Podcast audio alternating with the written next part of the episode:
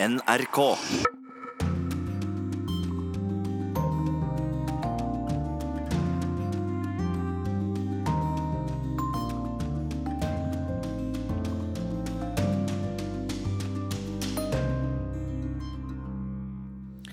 Her i Urix på lørdag får vi straks rapport fra folkefesten mot Robert Mugabe i Zimbabwe. I studio sitter Afrikakjenner Stein Sundstøl Eriksen, for eh, vi vil vite mer om hva folk kan vente seg i Zimbabwe nå. Republikansk senatorkandidat beskyldes for overgrep, men denne gangen er Donald Trump helt stille. Ingen Twitter-meldinger. Husker du U2? Ja, ikke det irske rockebandet, nei, men USAs spionfly over Russland i 1960. Vi har møtt pilotens sønn. The more misinformation that's out there, the harder it is for the enemy to figure out what's the truth. Den britiske utenriksministeren har tråkket i salaten og ber om unnskyldning for sin omtale av en britisk statsborger fengslet i Iran. Og en fornyer og liberaler eller et manipulerende maktmenneske, Saudi-Arabias kronprins Mohammed bin Salman, er hovedpersonen i ukens podkast. Her i studio, Øystein Heggen, og vi legger til at korrespondentbrevet kommer fra Kenya, det er også fra Afrika. Og vi starter i Afrika også, i Zimbabwe selvfølgelig. Onsdag så satte hæren den 93 år gamle presidenten Robert Mugabe i husarrest, men generalene nekter for at det er snakk om et militærkupp. I dag demonstrerer folk mot Mugabe i hovedstaden Harare. Og like før sending snakket jeg med Afrikakorrespondent Sverre Tom Radøy, som er der. Nei, Her er det en ellevill eh, folkefest. Det er lastebilplan fulle av julenisser med kristne kors. Folk drapert i uh, zimbabwiske flagger. Det er sang og det er dans. Folk uh, klemmer hverandre. Dette her er ingen demonstrasjon mot Mugabe. Dette er som en frigjøringsdag i mai 1945 for Norge. Men likevel så er det Mugabe situasjonen rundt han som ligger bak det hele? Ja, det er det. Her er det folk som uh, overhodet ikke har tenkt at Mugabe skal få fortsette en eneste dag til. Det er en eh, konstitusjonell prosess som skal føre til hans avgang. Eh, det kommer til å ta noen dager, men her tar folket på forskudd. Det er titusener samlet inne på den store arenaen som vi var i, men der, der vi ikke ja, vi, vi, måtte, vi, var de eneste hvite der, sånn at vi vekket for stor oppsikt, så vi måtte ut. Eh, men her i, i, eh, gatene inn til denne plassen, så danser folk eh, mellom bilene. Det er altså både sirkus, karneval og med nisselue så er det jo julaften og nasjonaldagen på en gang. gang Men likevel så er det vel de militære som har regien i Zimbabwe nå? Ja, det er det. Og militæret er jo populært uh, i Zimbabwe akkurat nå. Uh, det er folk som går med plakater der det står heller et kupp hvert femte år av det militære enn frie valg. For i valg så blir det da mye vold. Uh, her er det militære populære. Politiet er det ikke. Politi og militær er på kollisjonskurs med hverandre. Og midt i det politisystemet så er sikkerhetsvaktene og de står og ser på de står og ser på oss akkurat nå og tar bilder av oss. Så jeg tror vi legger på. Der la Afrikakorrespondent Sverre Tom Rade på telefonen. Seniorforsker Stein Sundstøl Eriksen, velkommen hit. Takk. Du jobber for NUPI, Norsk utenrikspolitisk institutt, og er en av landets fremste eksperter på Zimbabwe. Vi hørte at folk synger og danser i gatene, men hæren har regien. Folk vil ha forandring. Mugabe må gå. Får de forandring? Nei, Det er paradokset med hele denne aksjonen. For det istedenfor å være en aksjon som skal med sikte på å skaffe stor forandring i Zimbabwe, så er dette heller et slags palasskupp som har som formål å opprettholde det regimet som har uh, styrt landet i 37 år. Hæren har frykta at uh, Mugabe ville legge forhold til rette for at kona hans skulle overta, noe som ville være en trussel mot den maktbasen som Mugabe har styrt på grunnlag av. Og den har bestått av ZANU-PF, partiet, hæren og de såkalte krigsveteranene. Nå har både krigsveteranene og partiet og hæren vendt seg mot eh, Mugabe fordi de frykter at eh, deres posisjon og regime ville bli undergravd av at Grace Mugabe skal overta etter eh, Robert Mugabe.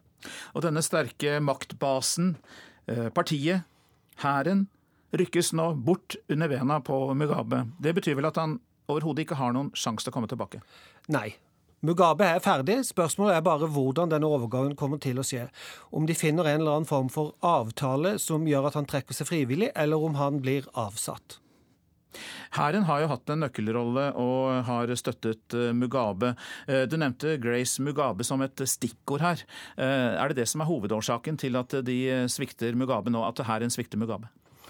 Ja, det har vært i mange år nå en maktkamp internt i partiet om hvem som skal bli Mugabes etterfølger. Og I den siste tida så har det vært to kandidater som først og fremst har kjempa om den posisjonen. Den ene er Grace Mugabe, og den andre er en tidligere visepresident som heter Emerson Mnamgagwa, som fikk sparken i forrige uke. Og det var nok det tiltaket som har fått hæren til å aksjonere. For det, det ble sett på som et forsøk fra Mugabe og Grace Mugabes side på å sikre den eh, etterfølgeren som eh, hæren eh, for enhver pris vil unngå. Da har jeg lyst til å se framover for Emerson Mngagwa. Hva kan vi vente oss av han som blir den sannsynlige arvtaker nå, da? Eh, Emerson Mugagwa har vært tett knytta til, til Mugabe i, helt siden frigjøringskrigen på 70-tallet. Og alle de tinga som Mugabe har blitt kritisert for, kan også Den samme kritikken kan rettes mot Mugagwa. Han var med på å organisere massakre mot den etniske minoriteten i Matabeleland tidlig på 80-tallet.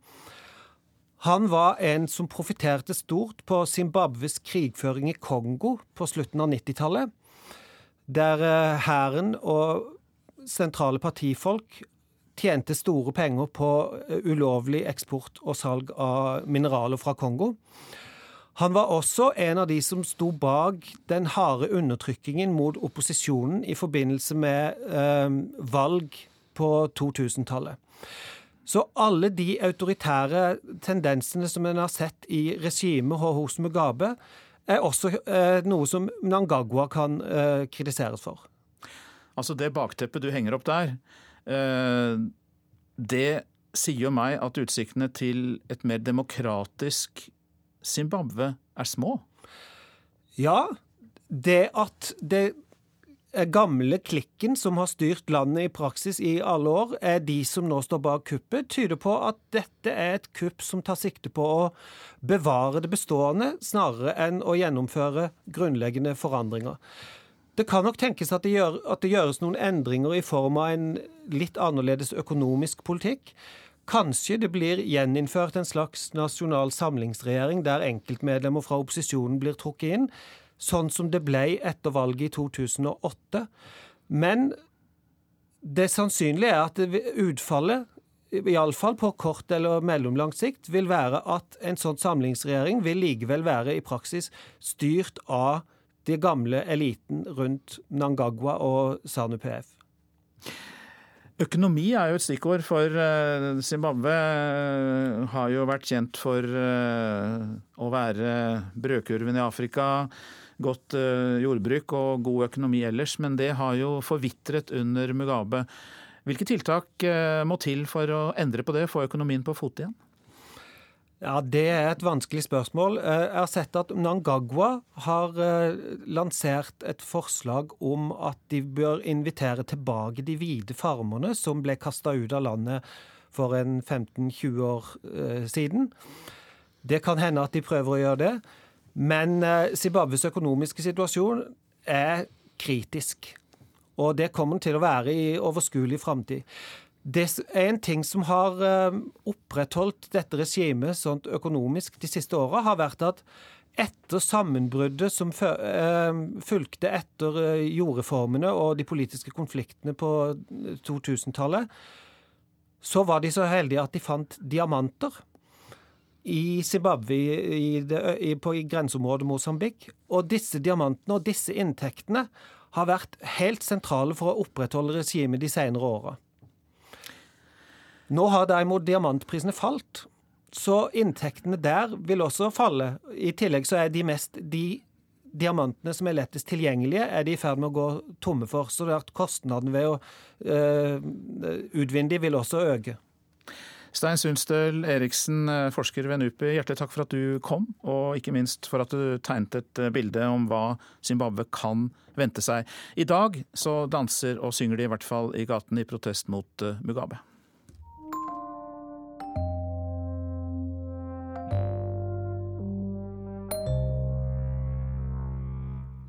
Vi tar deg med til USA. Overgrepsanklager preger et suppleringsvalg i Alabama.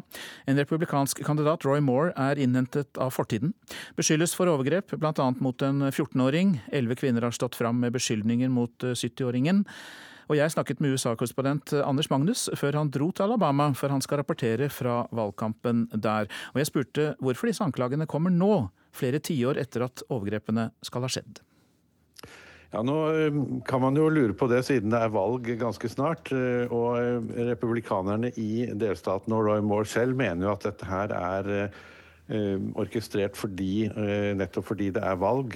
Men og at han skal da tape valget på den måten. Men Washington Post, som laget den første saken, de sier at de var i delstaten for å lage en valgreportasje og fikk høre om disse tingene. Eh, og at det derfor det ble en sak om det. det. det. tok lang tid å få disse kvinnene til å stå fram. Eh, og det som er bemerkelsesverdig, er jo at både hun som var 14 år gammel den gangen det skjedde, og også andre kvinner som har fortalt sin historie senere. Dette er republikanere som har også stemt på Trump. Så de sier at dette, det ligger absolutt ingen politisk motivering bak at de forteller sin historie. Dette er jo et viktig suppleringsvalg til Senatet. Hvordan blir det håndtert av det republikanske partiet? Veldig forskjellig. Eh, på eh, nasjonalt nivå så eh, var det ganske mye nøling til å begynne med, men etter hvert så har jo svært mange senatorer og også medlemmer i Representantenes hus tatt avstand fra Moore og mener han må trekke seg. Blant andre republikanernes flertallsleder Mitch McConnell sagt at han bør trekke seg, og at han ikke vil være eh, velkommen i Senatet hvis han blir valgt. Mens på det lokale nivået så støtter partiet ham fullt ut. Så her er det krig mellom den lokale og den nasjonale delen av partiet. Og man skal også huske på at Steve Bannon, som jo var eh, Trumps eh, spesialrådgiver og også hans, eh, fortsatt hans sterke støttespiller, han har gått inn for at Moore skal få denne jobben. Det var jo eh, tidligere en annen kandidat, eh, Lucifer Strength, som eh, stilte opp mot Moore, men han tapte så det sang. Bl.a. fordi at bandet gikk jo inn for Moore. Har president Donald Trump tvitret eller sagt noe om dette? Nei, og det er veldig spesielt. Fordi han har jo sagt noe om Al Franken, som jo er en demokratisk senator som har innrømmet og beklaget seksuell trakassering for lenge siden. Men han har ikke sagt noe om Roy Moore, annet enn at uh, på et veldig tidlig tidspunkt sa han at hvis dette er sant, så, så, bør han trekke seg.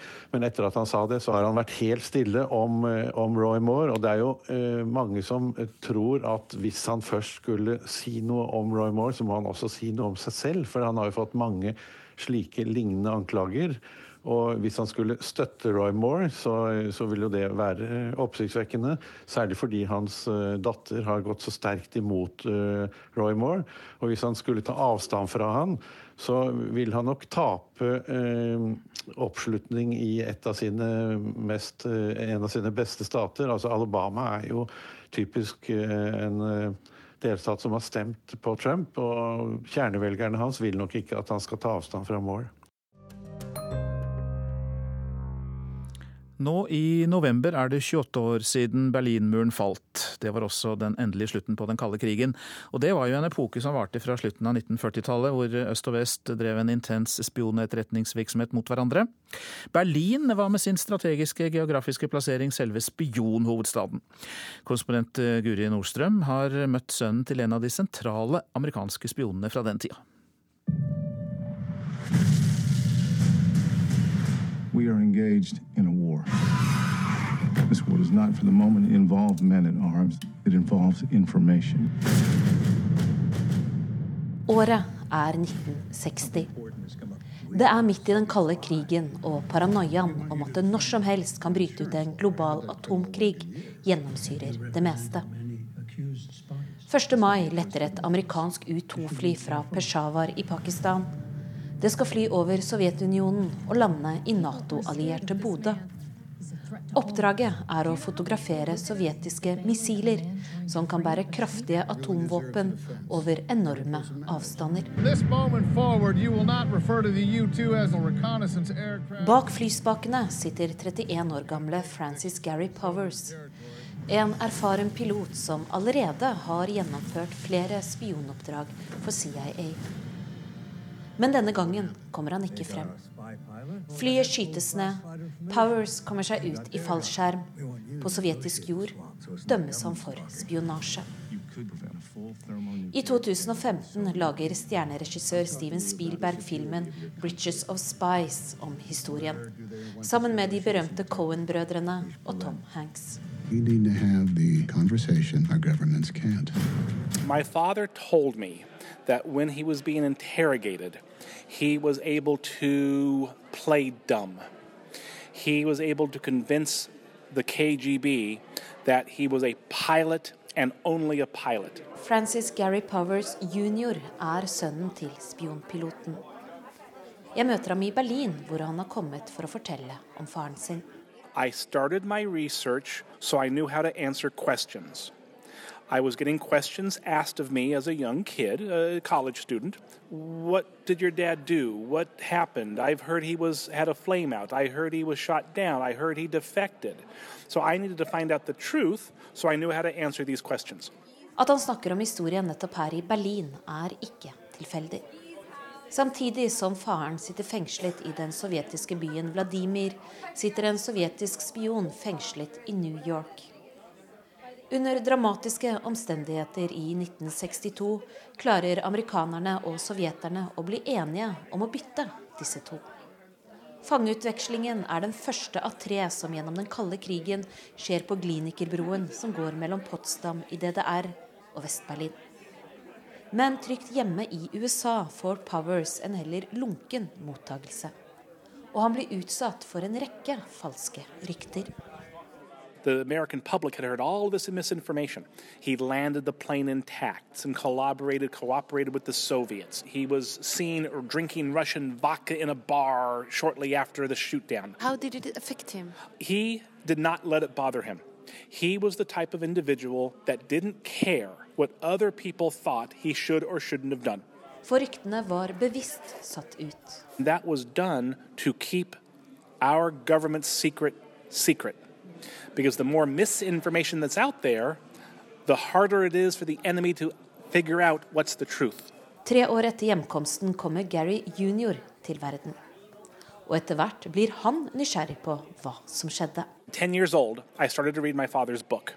And I was fascinated about, Dad, you, you said you were flying at 68,000 feet, but you were really higher. How high were you flying? Gary, I can't tell you that.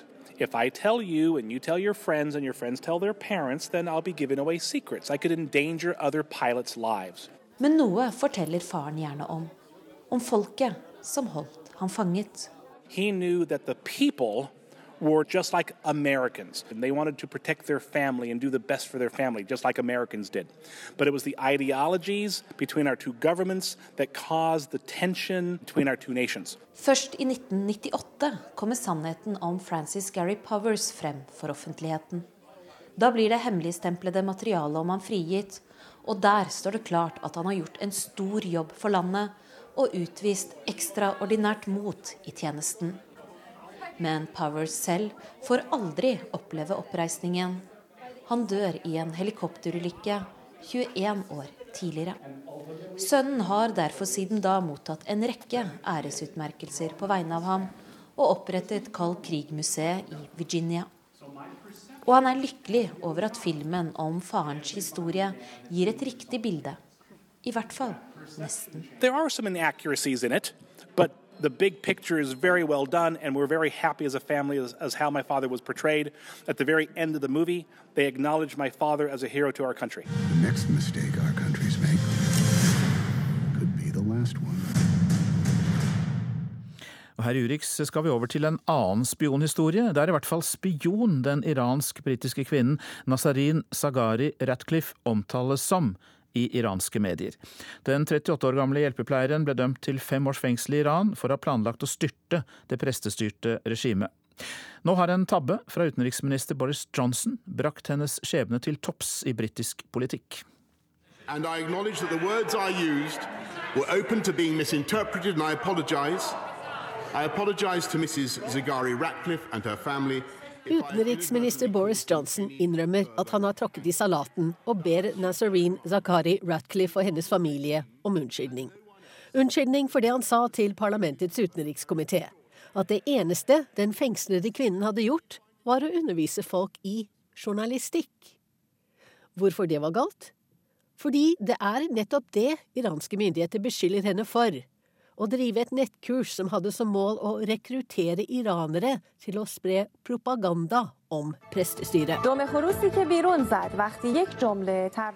Iranske medier kastet seg over det de omtaler som en utilsiktet tilståelse fra den britiske regjeringen, og bevis for at anklagene mot Nazanin Zaghari Ratcliffe er berettiget. I mars 2016 dro hun til Iran for å besøke sin familie der. Med seg hadde hun sin lille datter Gabriella på 22 måneder. De skulle feire persisk nyttår.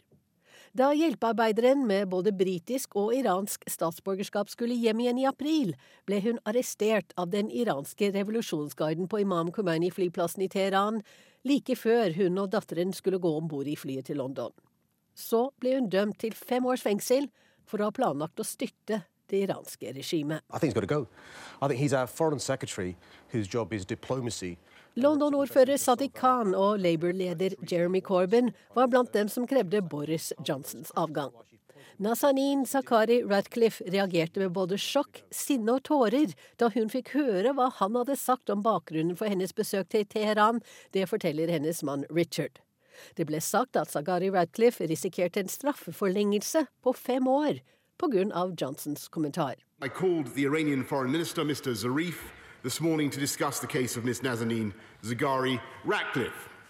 I expressed my anxiety about her suffering and the ordeal of her family, and I repeated my hope for a swift solution.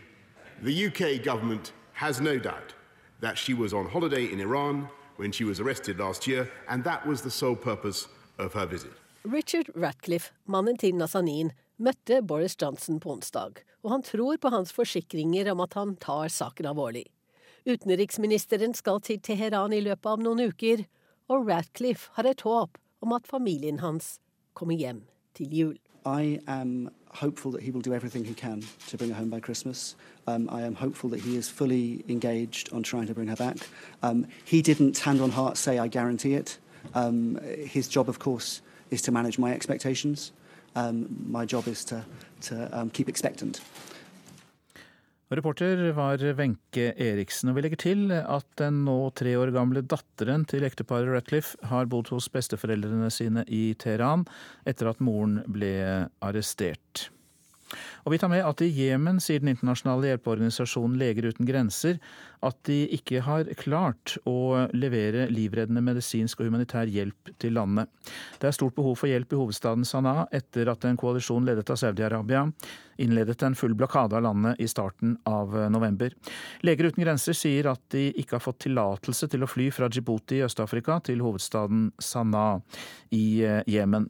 I, I havnebyen Aden den er blitt åpnet, men hjelpeorganisasjoner sier at dette langt ifra er godt nok.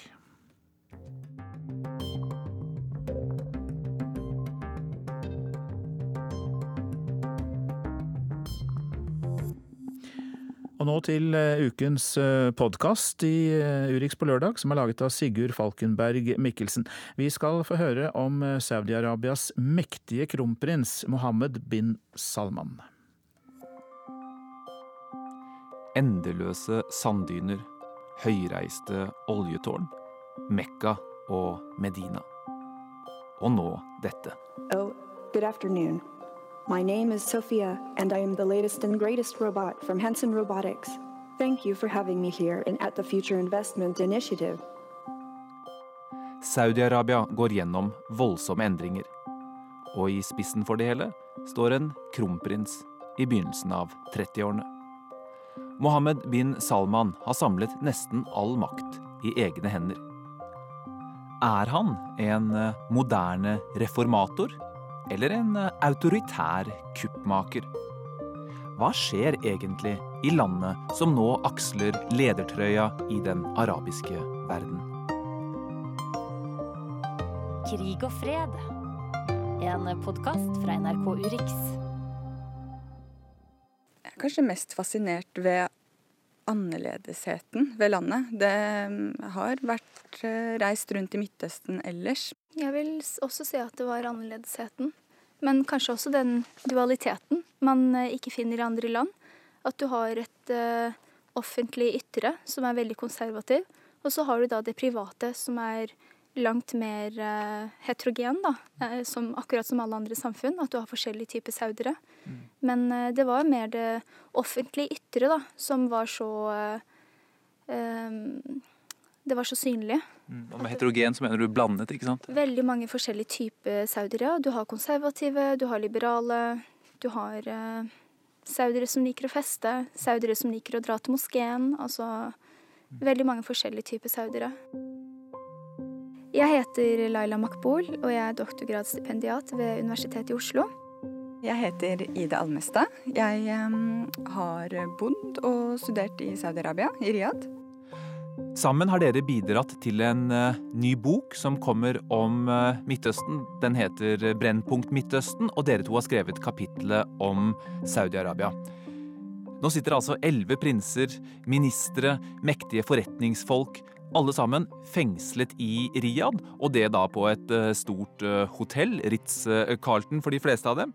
Og dette er ikke noen eh, hvem som helst i Saudi-Arabia, eller i Midtøsten for den saks skyld. Vi snakker om en av verdens rikeste investorer, en av Midtøstens store mediemoguler, og da virkelig mektige prinser internt. Arkitekten bak dette er Mohammed bin Salman, kronprins, 32 år gammel. Har noen hatt så mye makt eh, i Saudi-Arabia tidligere, hvis man da ser bort fra landets eh, grunnlegger? Nei, dette er eh, enestående i saudisk historie. Bakgrunnen for disse fengslingene det var jo det at det 4. november så ble det opprettet en ny antikorrupsjonskommisjon. Og dette er jo ikke noe nytt i seg selv. Man har tidligere hatt lignende kommisjoner som har forsøkt å få bukt med mye og alvorlig korrupsjon i Saudi-Arabia. Men det nye eh, med denne kommisjonen er jo at de også har eh, De kan straffeforfølge, eh, de kan ilegge reiseforbud, og de kan også fryse bankkonti. Men handler dette bare om korrupsjon? Det er jo ikke akkurat nytt at personlig økonomi og statsfinansene blandes sammen i dette oljerike monarkiet? Denne kampanjen som han nå har iverksatt, er også en ledd i det å styrke, eller sentralisere makten og, og styrke han selv og hans nære familie. Og det er, jo en, det er jo en interessant i og med at man da beveger seg vekk fra det tradisjonelle konsensusstyret man har hatt i Saudi-Arabia, hvor de ulike familiene av al-Saud selvfølgelig har kontrollert ulike deler av eh, det saudiske statsapparatet. Mens man ser at uh, denne uh, kampanjen har rettet seg også mot veldig sentrale uh, personer i viktige lederstillinger. Bl.a. eh, Mitab bin Abdallah, som er sønnen til den forrige eh, og nå avdøde kong Abdullah.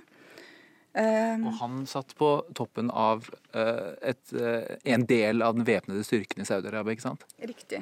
Han var leder for nasjonalgarden, og den familien har jo kontrollert denne garden i svært lang tid.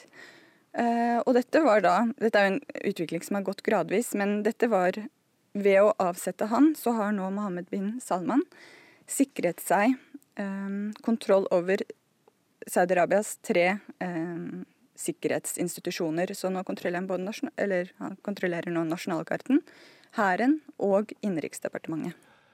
Hva har dere fanget opp av uh, reaksjoner? Altså, jeg tenker uh, uh, offisielt, og det er veldig vanskelig selvfølgelig å måle hva offisielt er, eller hva den jevne saudi mener, fordi det er eh, lagt veldig stor begrensning nå på ytringsfrihet, også i sosiale medier, der det var mer vanlig å faktisk kunne uttrykke seg også litt kritisk til endringer. Uh, og nå er det nesten helt umulig. Men det man kan si, er at saudiere generelt har hyllet disse arrestasjonene. For det gir et veldig sterkt signal om at prinser for første gang ikke kan slippe unna korrupsjon, slik, de har gjort i, i flere tiår. Så på den måten så blir det sett på som, som, et positivt tegn.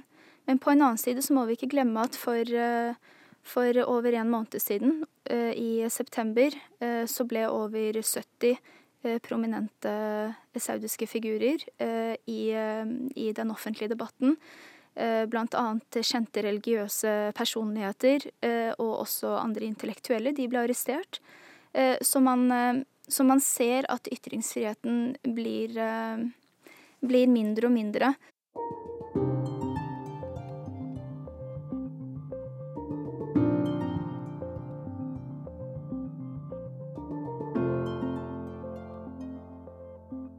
Nobody is sleeping. Everybody is staying up and is just glued to Twitter to try to figure out, you know, what's going on and who's arrested and, and what does it all mean. This is Ben Hubbard. I'm a Middle East correspondent for the New York Times, currently in Riyadh, Saudi Arabia. The young people that you speak to, what do they say about uh, Mohammed bin Salman and the path the, the country is taking? I think it depends on who you talk to. We can definitely say that many of the young people are very excited about it.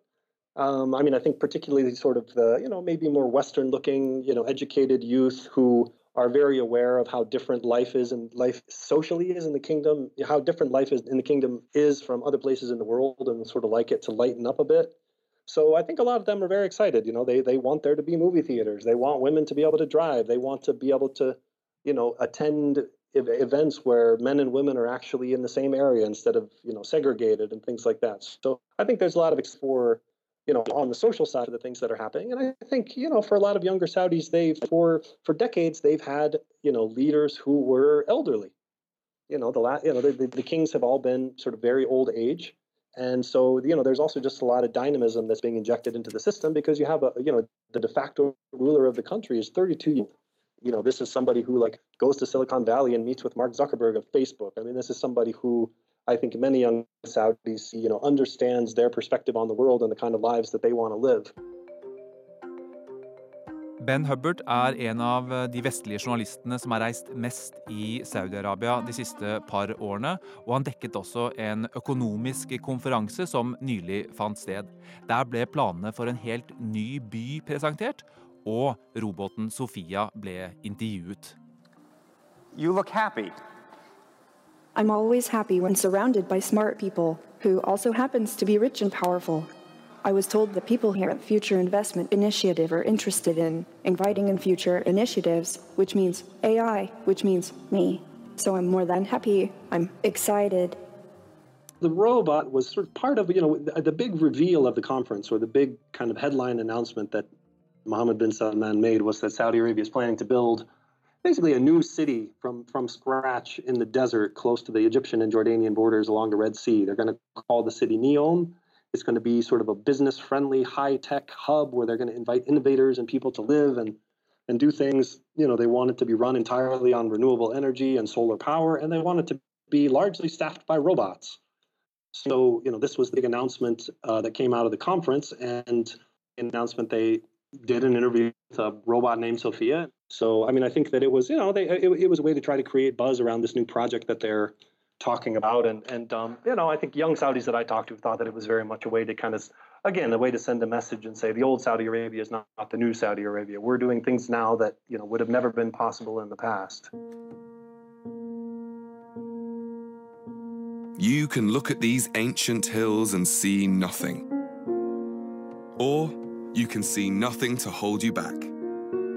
No set ways of thinking, no restrictions, no divisions, no excuses. Just endless potential. Dette er eh, promovideoen for den nye byen.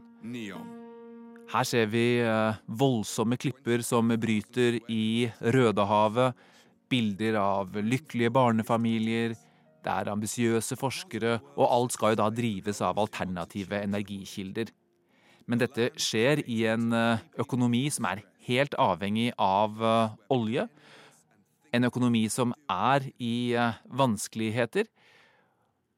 Er det da et luftslott Mohammed bin Salman forsøker å selge til verden og egne borgere?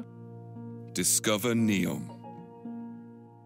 You know, the big questions really have to do with implementation. I mean, how are they going to pull this off? How are they going to pay for it? Are they going to be able to get substantial foreign investment to get it off the ground? Uh, you know, one of the other big questions that I have is construction. I mean, if you go to any construction site in Saudi Arabia, you'll quickly notice that there are no Saudis there. All of the construction work is done by very low-paid laborers from, you know, mostly from mostly from South Asia. And you know, okay, well, if you're going to build a new city, you know, before you get to the point where it's a tech hub and you have robots working, you have to do a lot of construction. So who's going to do that construction? Because if you're going to try to get Saudis to do the construction, you're going to have to pay them a lot more than you paid the laborers who come from India and Pakistan and Bangladesh and other places.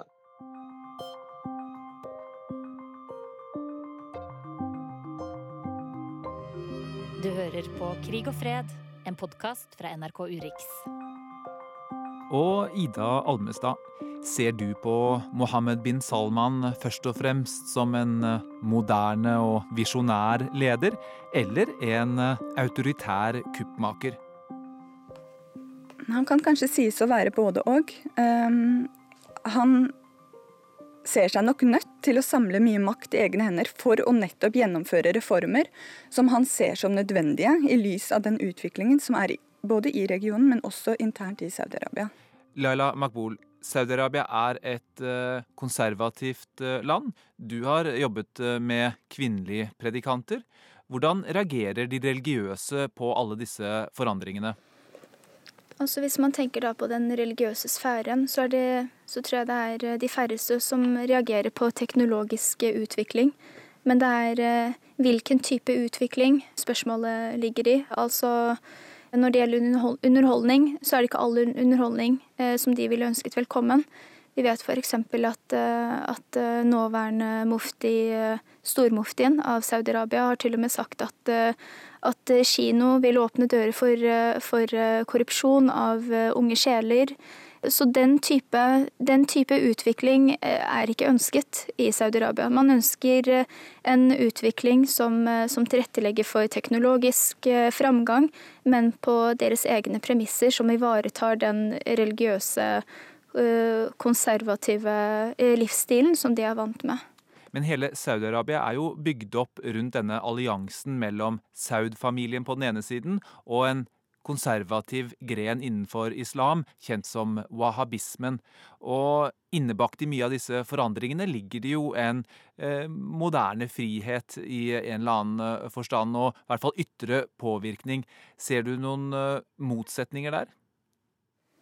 Det kan bli sett på som en motsetning, men vi ser også i, i økende grad en, eh, en, veldig pragmatisk tilnærming til endringer. Mm. At man eh, at man eh, ønsker dem velkommen, men, eh, men prøver å påvirke dem eh, innenfra. For eksempel så har det vært i lang tid veldig mye motstand mot at saudere studerer i utlandet, av frykt for at de da f.eks. vil bli påvirket av, av, andre ideologier og også andre religioner eller ikke-religioner. Men nå i den siste tiden så promoteres det, utrolig nok, og det i seg selv er en revolusjon. Eh, innad i den religiøse sfæren. At man ikke lenger eh, forbyr ting som kan føre til, eh, til altså umoral og, og, andre negative aspekter i forhold til hvordan de mener er riktig levemåte.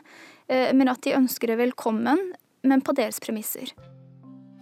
نحن فقط نعود إلى ما كنا عليه الإسلام الوسطي المعتدل المنفتح على العالم وعلى جميع الأديان her hører vi Mohammed bin Salman snakke.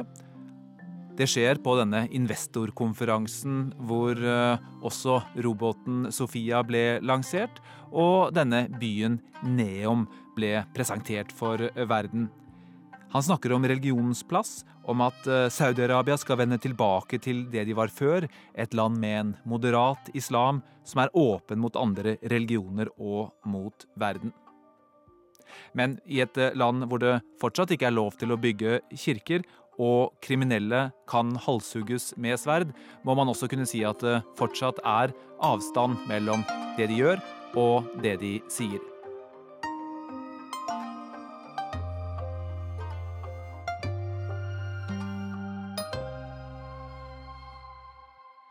Mohammed bin Salman er, som navnet tilsier på arabisk, en av eh, kong Salmans sønner. Han ble utnevnt til forsvarsminister da kong Salman inntok eh, tronen i 2015, og allerede da ble det tydelig at Mohammed bin Salman ønsket at eh, Saudi-Arabia skulle spille en mer aktiv rolle utad. Særlig har han vært eh, veldig konfronterende mot eh, Irans rolle i Midtøsten. Dette har blant annet ledet til eh, at Libanons statsminister Saad Hariri har gått av, og en blodig krig i Jemen. Han gjør det med en mye tydeligere eh, offensiv linje. Eh, og sauderne er oppriktig bekymret for Irans involvering i regionen. Og dette er ikke noe nytt. Eh, Saudi-Arabia og Iran har jo vært regionale rivaler siden den iranske revolusjonen i 1979. Um, men vi ser da særlig at etter eh, den amerikanske invasjonen og okkupasjonen av Irak, så har Iran styrket seg i eh, Irak. Og Saudi-Arabia mistet dermed den bufferen som Irak da tidligere utgjorde. Og så fikk vi den arabiske våren, hvor sauderne oppfattet at iranerne styrket seg ytterligere, bl.a. I, i Syria. Eh, hvor sauderne også har gått på ytterligere nederlag. Eh, og det er jo også bakgrunnen for den saudiske involveringen i Jemen. Og en mer altså, ut, utypisk måte å se, se, at Saudi-Arabia griper inn som du var inne på i sted, med hard politisk mm. Eh, makt. Og hvordan syns du det har slått ut så langt? Nei, Det har jo slått svært dårlig ut. Eh, krigen i Jemen er jo en katastrofe, en humanitær katastrofe. Um, jeg kan ikke se at sauderne har oppnådd noe særlig ved, ved den uh, kampanjen. Mm. Uh, og det er noe som hefter ved. Um, og det er jo også tungt, eller vil kanskje bli tungt, for Mohammed bin Salman. Fordi dette var jo Altså, denne krigen i Jemen uh, var jo det første han gjorde som forsvarsminister, og det er egentlig det første liksom ja, det første han altså Det var en del av profileringen av Mohammed bin Salman, så den er så tett knyttet til han som person. Um, og det kan kanskje bli vanskeligere for han etter hvert.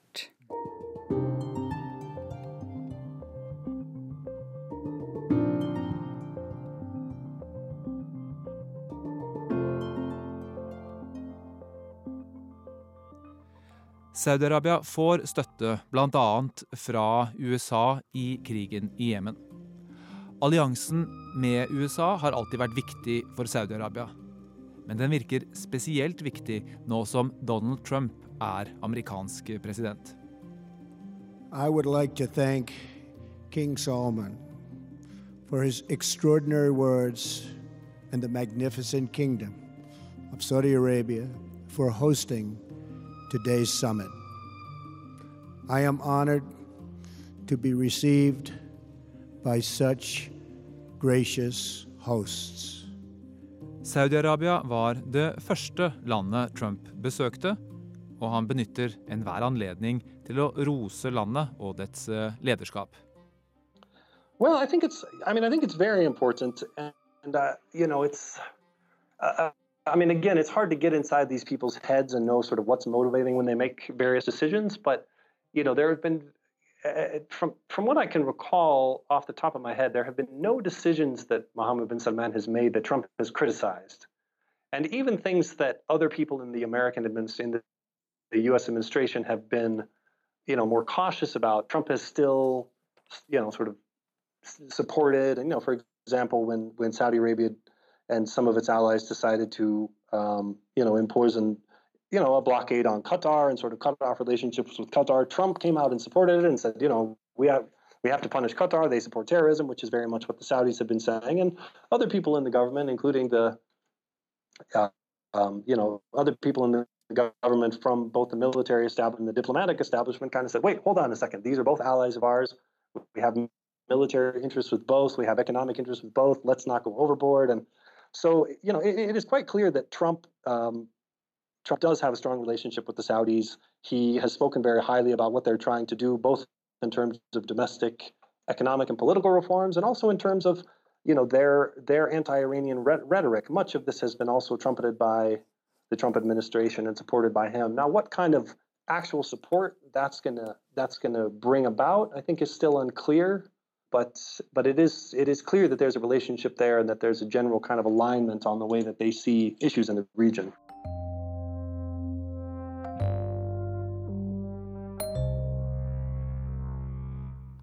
Du lytter til eh, Urix eh, på lørdag. Også korrespondentbrevet kommer fra Afrika denne uka, fra Sverre Tom Radøy.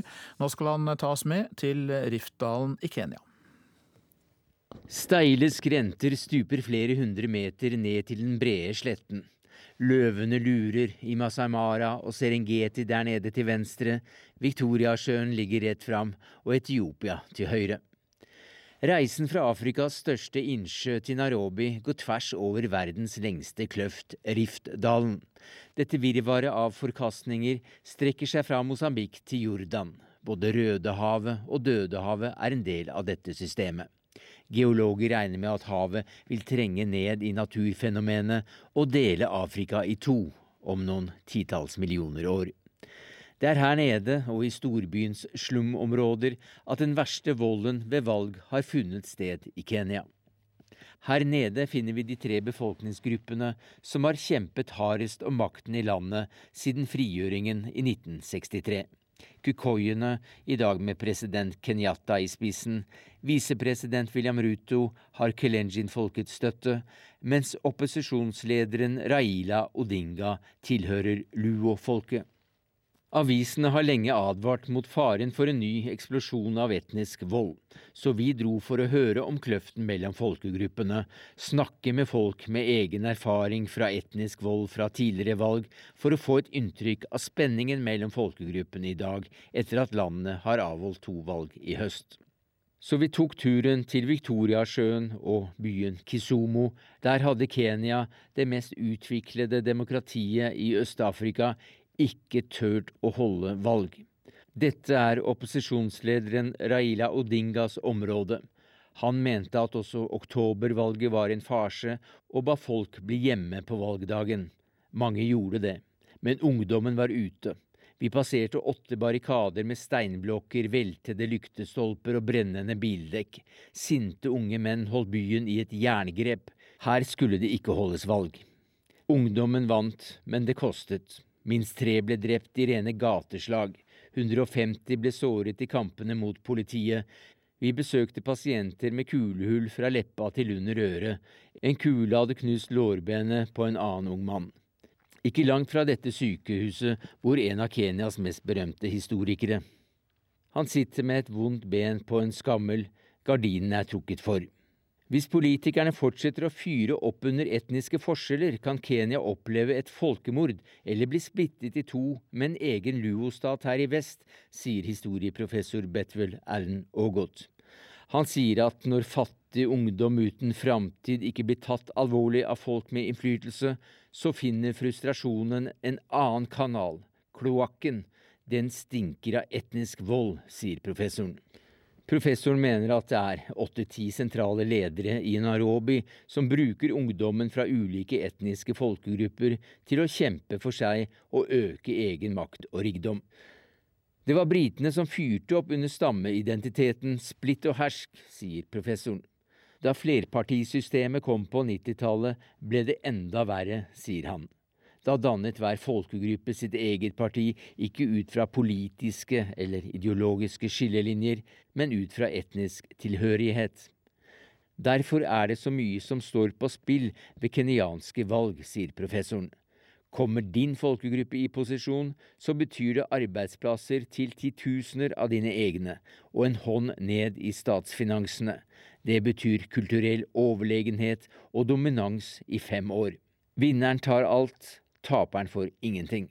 Jeg har alltid satset på at ungdommen skulle forandre dette landet til det bedre, men generasjon etter generasjon har skuffet meg, sier den 88 år gamle professoren.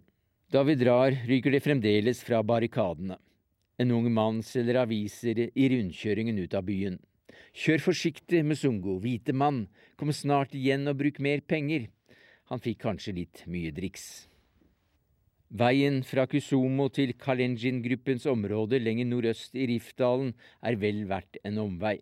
I tolv mil bukter veien seg opp 900 høydemeter fra Viktoriasjøens strender til Eldoret.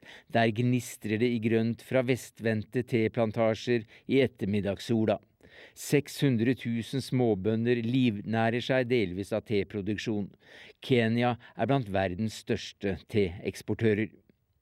Dette er kjerneområdet til Daniel Arab Moi og hans Kalenjin-folk. Mange herfra nøt svært godt av at han regjerte landet og ble betydelige landeiere i denne delen av Rifdalen under hans 14 år lange styre fra 1978. Det kostet andre dyrt. Men så kom kukoiene til makten. Volden eksploderte etter et sterkt kritisert valg i 2007, da deres president ble erklært som valgets vinner. Pastor Mburu kan aldri glemme den tiden. Han tar noen minutters pause fra den fire timer lange søndagsgudstjenesten utenfor Eldoret for å snakke med oss. Det dundrer i rock, rap og gospel fra det nye kirkerommet ved siden av. Den forrige kirken brant folk fra Kalenjin-gruppen ned. Ungen brant, jeg klarte ikke å holde babyen. Da jeg slapp, sa jeg, bare dra du, jeg kommer snart etter, forteller pastor Hemburu. Han regnet med å bli drept selv der og da, han sto utenfor kirken og hadde nettopp reddet seks barn ut gjennom kontorvinduet, bort fra flammene. I en halvsirkel bak ham sto menn med macheter. De hogg ikke, men slo. Pastoren spyttet ut fortennene, fikk et slag i bakhodet og besvimte. Det var første nyttårsdag i 2008. Da brant minst 35 mennesker i hjel inne i pastorens kirke i Kiamba, vest i Kenya. Kalenjin-folk slo til mot Kikoyor, folkegruppe mot folkegruppe, det hadde vært valg i landet. I dag tror pastoren landet unngår et nytt blodbad. Både politikere og folk har lært av det som skjedde, sier han. Om da ikke toppolitikerne igjen ser seg tjent med å mobilisere ytterliggående elementer blant ungdommen i egne etniske grupper. Så lenge partiene ikke representerer noe annet enn stammeinteresser, så er ikke Kenya modent for et flerpartisystem, sier pastoren.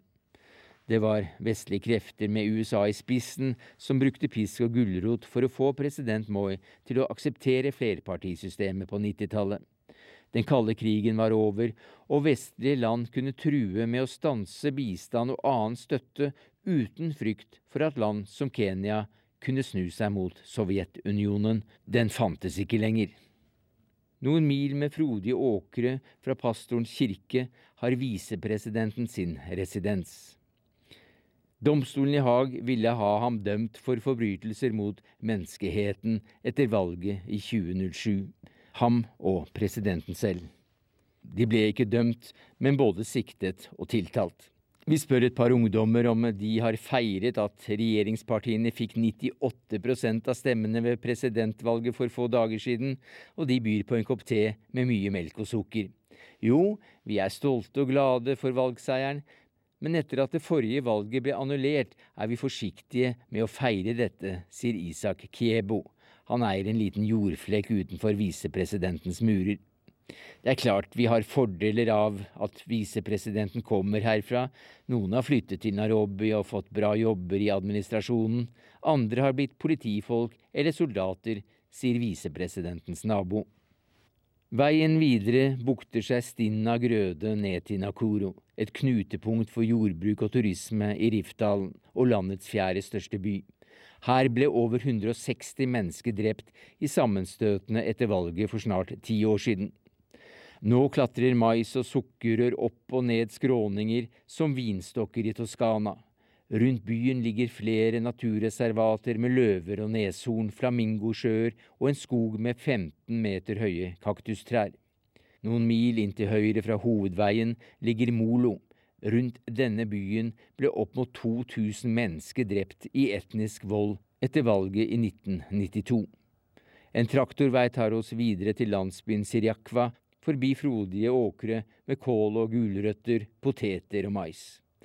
Der står Pauline Sang støtt i langstøvler på egen åker. Hun er leder for stedets kvinnegruppe og har vært fredsarbeider siden kukoiene brant hennes gård og grøde ned den første gangen i 1992. De var 300 stykker. De kom over åsen der borte og satte fyr på husene med folk inni. Så brant de ned åkrene før de stakk mot markedet her borte. Barn ble drept på veien. Det gjentok seg i 2007. Ikke så mange ble drept, men de brant ned husene og åkrene hennes da også. Jo, jeg vet hvem lederen for gjengen er. Jeg har tilgitt ham, men vi snakker ikke sammen lenger. Den yngste datteren kommer leende ut av huset og tar bilder med mobilen.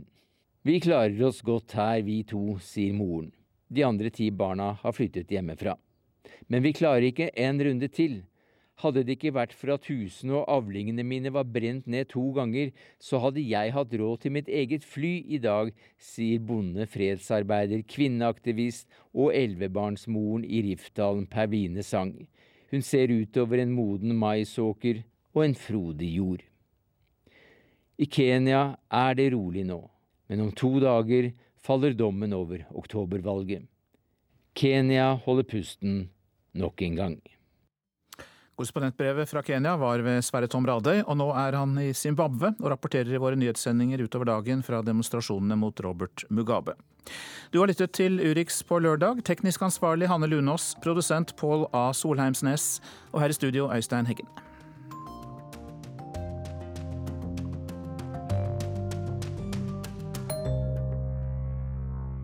Du har hørt en podkast fra NRK P2.